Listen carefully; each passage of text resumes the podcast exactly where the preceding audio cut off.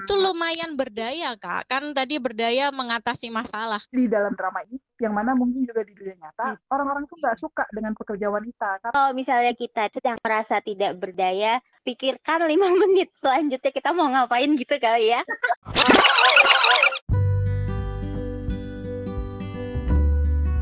Annyeonghaseyo Cinggudel, gimana kabarnya hari ini? Di Bandung lagi ditemani rintik-rintik hujanan dingin, semoga di sana aman ya.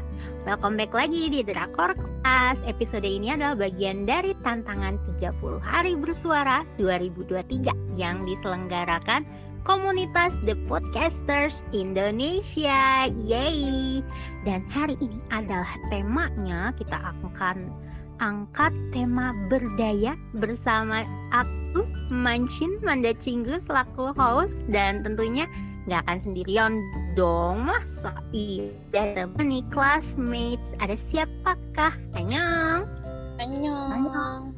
kakak Dek. Iya. Kakak Riz. Iya kita langsung aja biar tidak berlama-lama. Sebelumnya aku mau nanya dulu nih. Kakak kakak udah tahu belum sih berdaya itu apa? Kita karena kan mau bahas berdaya nih berdaya itu apa? Apa yang terlintas saat kita mendengar kata berdaya? Asik. ya. Eh, kalau berdaya yang kepikiran cuman punya daya atau daya itu kan kalau dulu belajar fisika aduh jadi susah. Waduh waduh. Daya itu berarti ada punya tenaga punya kekuatan untuk melakukan sesuatu. Gitu nggak sih atau apa sih? Coba mungkin ada punya contekan dari KBBI nggak sih? Berdaya apa? Aku aku aku. Kalau ada contekan dari KBBI oke. Gimana? Silakan. Iya, sebenarnya juga udah tepat itu yang dibilang Kak Risna. Tadi sempat lihat KBBI kan, artinya berdaya tuh berkekuatan, berkemampuan, bertenaga, atau kemampuan melakukan sesuatu, atau kemampuan bertindak untuk mengatasi masalah. Benar banget nih sesuai KBBI ya. Nah kalau akhir-akhir ini nih mungkin nggak cuma aku ya, rasanya kata berdaya ini banyak banget digunakan terutama untuk empowerment perempuan gitu kan. Jadi hari ini aku mau bahas-bahas seputar berdaya dalam drakor nih. Kira-kira ada tema berdaya di drakor tuh drakor apa aja sih? Siapa yang mau cerita? Yang terpikir drakor apa gitu kalau ngomongin berdaya? Mungkin dari KDK dulu boleh? Kalau misalnya ngomong berdaya drakor apa yang terpikir nih? Berdaya, hmm, yang terpikir mungkin yang sebenarnya mungkin banyak ya drakor-drakor yang tentang tema apa perempuan dan berdaya. Tapi yang lagi kepikiran itu yang aku nonton mungkin ini Dokter Cha sama Queen Maker. Itu sih pikiranku. Eh, eh, kalau yang Dokter Cha itu kan eh, bagus ya. Jadi itu kan ceritanya tentang dokter yang balik lagi kerja gitu kan. Jadi ada seorang dokter yang karena menikah akhirnya dia nggak nggak sempet praktek itu. Jadi lulus sekolah kedokteran dia di rumah jadi rumah tangga gitu. Kemudian setelah dua belasan tahun apa sampai 20 tahun ya lupa. Itu dia kembali lagi untuk bekerja di rumah sakit ya. Bahkan dia juga mulai dari magang ya. Eh apa apa istilahnya? Koas gitu ya di rumah sakit itu Magang, Uh, betul. itu menurut aku berdaya. Kenapa? Karena dia berusaha mengambil keputusan sendiri. Karena selama ini kan dia jadi ibu rumah tangga itu dia misalnya kayak hal simple kayak mau belanja aja dia kayak gimana gitu kan ya pakai duit suami katanya gitu. Nah tapi dia ketika dia kembali bekerja dia punya penghasilan sendiri dia tuh kayak nggak beban gitu untuk belanjain. Atau mungkin akhirnya dia bisa punya kemampuan untuk meneruskan cita-citanya ya atau meneruskan impiannya gitu untuk jadi dokter. Itu sih kalau yang dokter Cha jadi cerita tentang ibu rumah tangga yang kembali bekerja di ranah publik istilah gitu. Sebenarnya kalau masalah bekerja nggak bekerja kan nggak hanya di ranah publik istilahnya gitu kemudian yang kedua nih yang pas banget nih sama kondisi sekarang nih ini kan memasuki tahun politik lah tahun politik ya ada drama Queen Maker. Nah, jadi kalau Ah. drama Queen Maker ini gimana seorang perempuan ya yang sangat berpengaruh dalam memoles calon anggota legislatif atau calon wali kota. Di sini ceritanya calon wali kota ya gitu. Jadi Iya. sebenarnya sih awalnya bukan politik ya, bukan dunia politik dia dia di perusahaan, cuman bagian kayak eh, strategi komunikasi ya humasnya gitu kan yang bisa mengcounter. Mm-mm, Betul. gitu. Jadi menurut aku gitu sih. Itu sih yang kepikiran di aku tuh dua drama itu sih. Kalau Karisna gimana nih? Kalau aku gini, sebenarnya tadi yang drama Dokter Cha ataupun drama Queen Maker kita udah pun- pernah podcastin ya. Jadi kalau mau tahu lengkapnya bisa cari di episode kita yang sebelumnya gitu. Ini ada lagi yang kita juga udah pernah podcastin ada Cold Blooded Intern. Itu ceritanya mirip-mirip Dokter Cha tapi nggak persis gitu. Jadi artinya apa? Jadi Cold Blooded Intern itu judulnya agak menyesatkan ya sebenarnya kesannya kayak gimana gitu cold blooded gitu ya intern berdarah dingin gitu ya itu ceritanya cuman kayak ibu rumah tangga yang karena tuntutan ekonomi sih ya dia merasa perlu untuk kembali lagi ke dunia kerja gitu jadi anaknya udah besar gitu udah SMA gitu kayaknya dan ya itu dulu ceritanya manajer yang hebat lah gitu ya. Jadi dia pengen kembali lagi bekerja supaya bisa membantu lah untuk perekonomian keluarganya gitu ya. Tapi namanya udah lama berhenti kerja dia harus kayak mengulang lagi dari awal. Karena kan teknologinya udah banyak yang berubah juga ya. Di kantor-kantor itu mungkin dulu pakai softwarenya apa sekarang pakai softwarenya apa buat bikin laporan gitu kan. Dia harus belajar semua semuanya lagi tuh dari awal. Tapi ceritanya dulu waktu dia itu dia itu rada-rada tidak memihak kepada perempuan bekerja gitu. Jadi kan isu saat ini kan perempuan itu kan agak nyusahin ya kalau di tempat kerja. Kenapa? Karena kadang-kadang kalau misalnya ada yang datang bulan minta cuti karena katanya kram nggak bisa kerja gitu kan.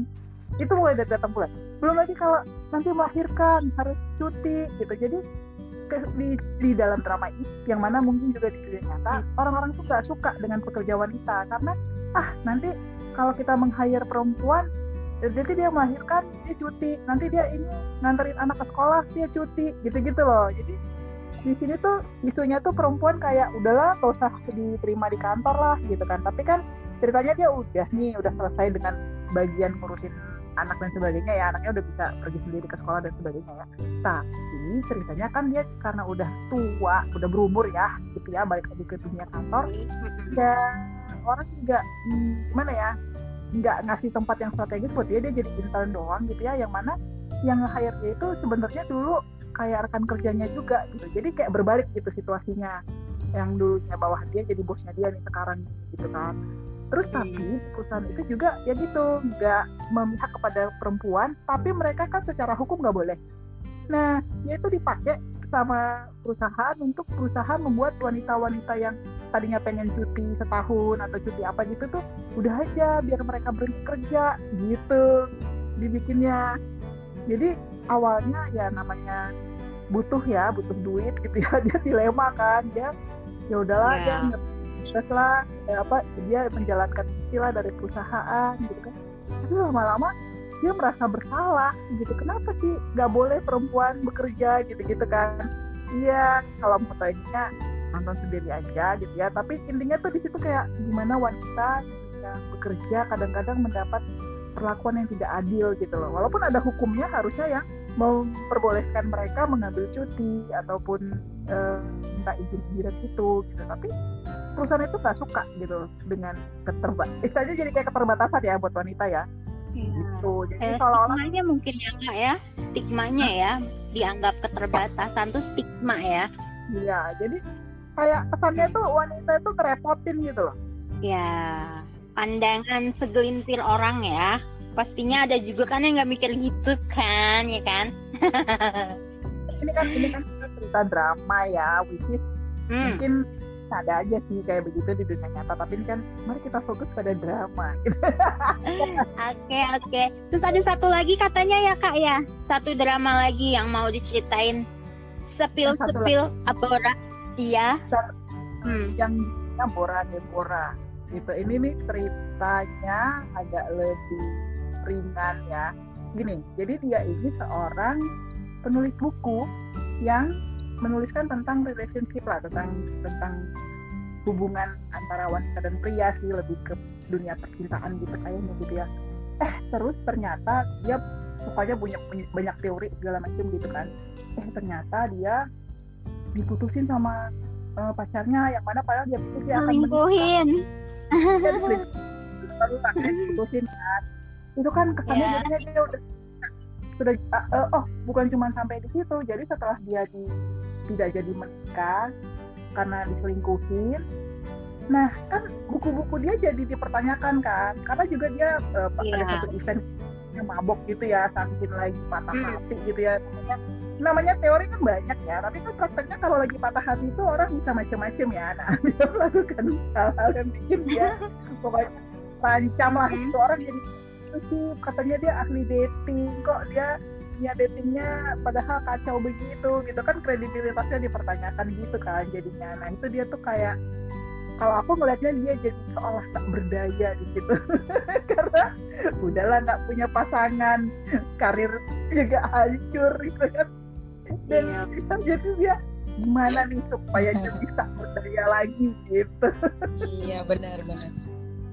iya Itu bener itu lumayan berdaya kak. Kan tadi berdaya mengatasi masalah kan. Akhirnya gimana dia bangkit lagi kan akhirnya ganti nulis tentang eh, patah hati kan kalau nggak salah bukan tips-tips kencan gitu kan ya. Jadi gimana dia Iya. akhirnya ya emang sulit karena kan tadi dia malu kan dia udah terkenal sebagai ahli kencan tapi ternyata relationshipnya gagal. Tapi gimana dia akhirnya bangkit lagi mencari topik lain istilah gitu ya. Gitu sih. Tapi Iya. emang ringan ringan nggak seberat kayak eh, dokter Cha juga ringan cuman nggak seberat kayak Queenmaker ya. Karena kan masalah politik apalagi perempuan nama politik itu kan jarang berat gitu tapi ini lebih lebih banyak komedi romcomnya iya romcom gitu Iya, benar banget.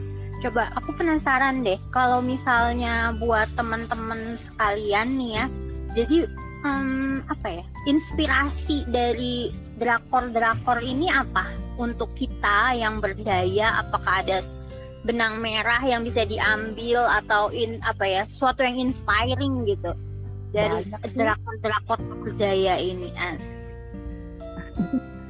banyak sih eh, maksudku gini ya kalau misalnya nih eh, tadi yang dibilang Mbak Deka tuh misalnya drama yang Dokter Cha Hmm. itu kan jadi ceritanya nggak cuma Dokter Cha ingin kembali bekerja setelah menjadi ibu rumah tangga di situ ada isu perselingkuhan juga gitu kan Iya. tapi ditunjukkan bagaimana Dokter Cha bisa hmm, kayak gimana ya mungkin banyak netizen bahkan yang nggak puas tuh dengan endingnya si Dokter Cha dia bisa tuh menunjukkan kepada suaminya bahwa ya udah kalau lu memang nggak cinta lagi sama gue kalau lu memang mau selingkuh atau gimana udah kita nggak usah terus lagi gitu loh. Tapi dia nggak jadi musuhan nggak jadi yang nggak gontok-gontokan gitu loh. Dia kayak menunjukkan berdaya itu di kakinya sen- di atas kakinya sendiri gitu loh. Dia nggak langsung mengutuki atau gimana nggak jadi drama yang makjang kali ya Jadi dewasa ya cara apa namanya mengatasi masalahnya karena kan berdaya ini kan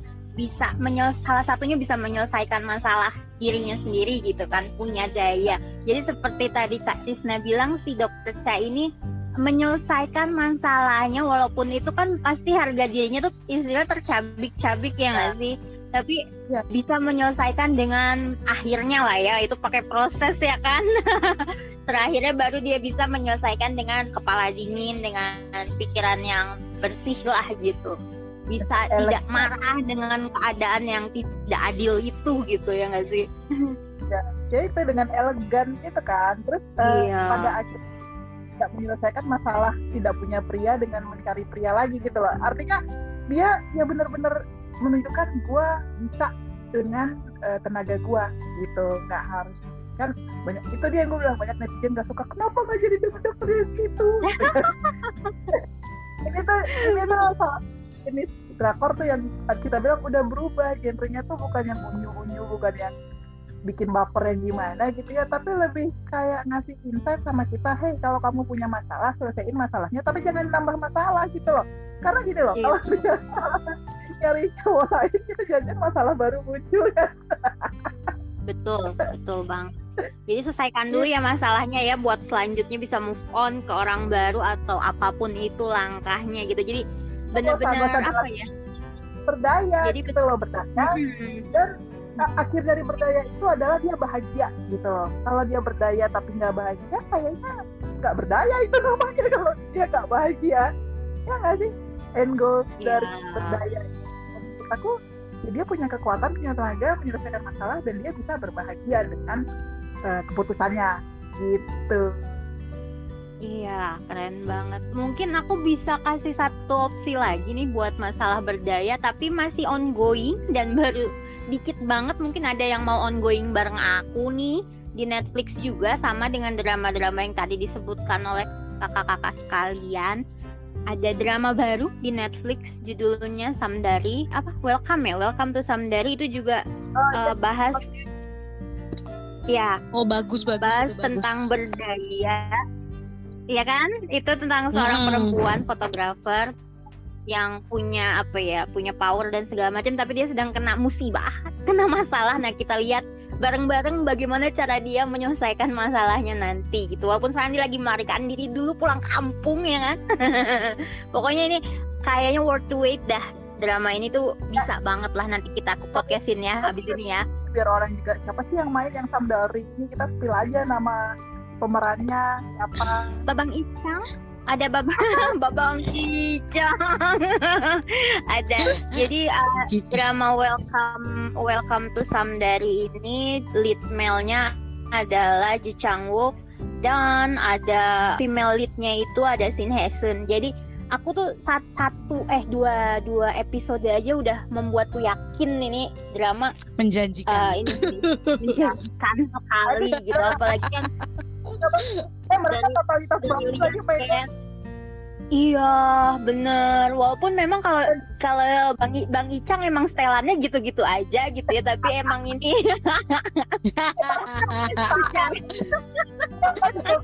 Oke, ini nanti kita podcastin sendiri nih ya, khusus- seru nih.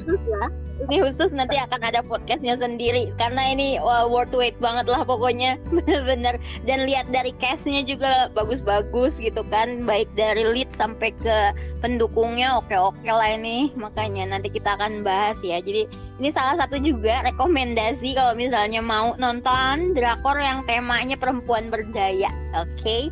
Tadi udah ada banyak juga ya yang disebutkan. Antara ada Cold Blooded Intern. Dr. Cha, Bora Deborah, Queenmaker.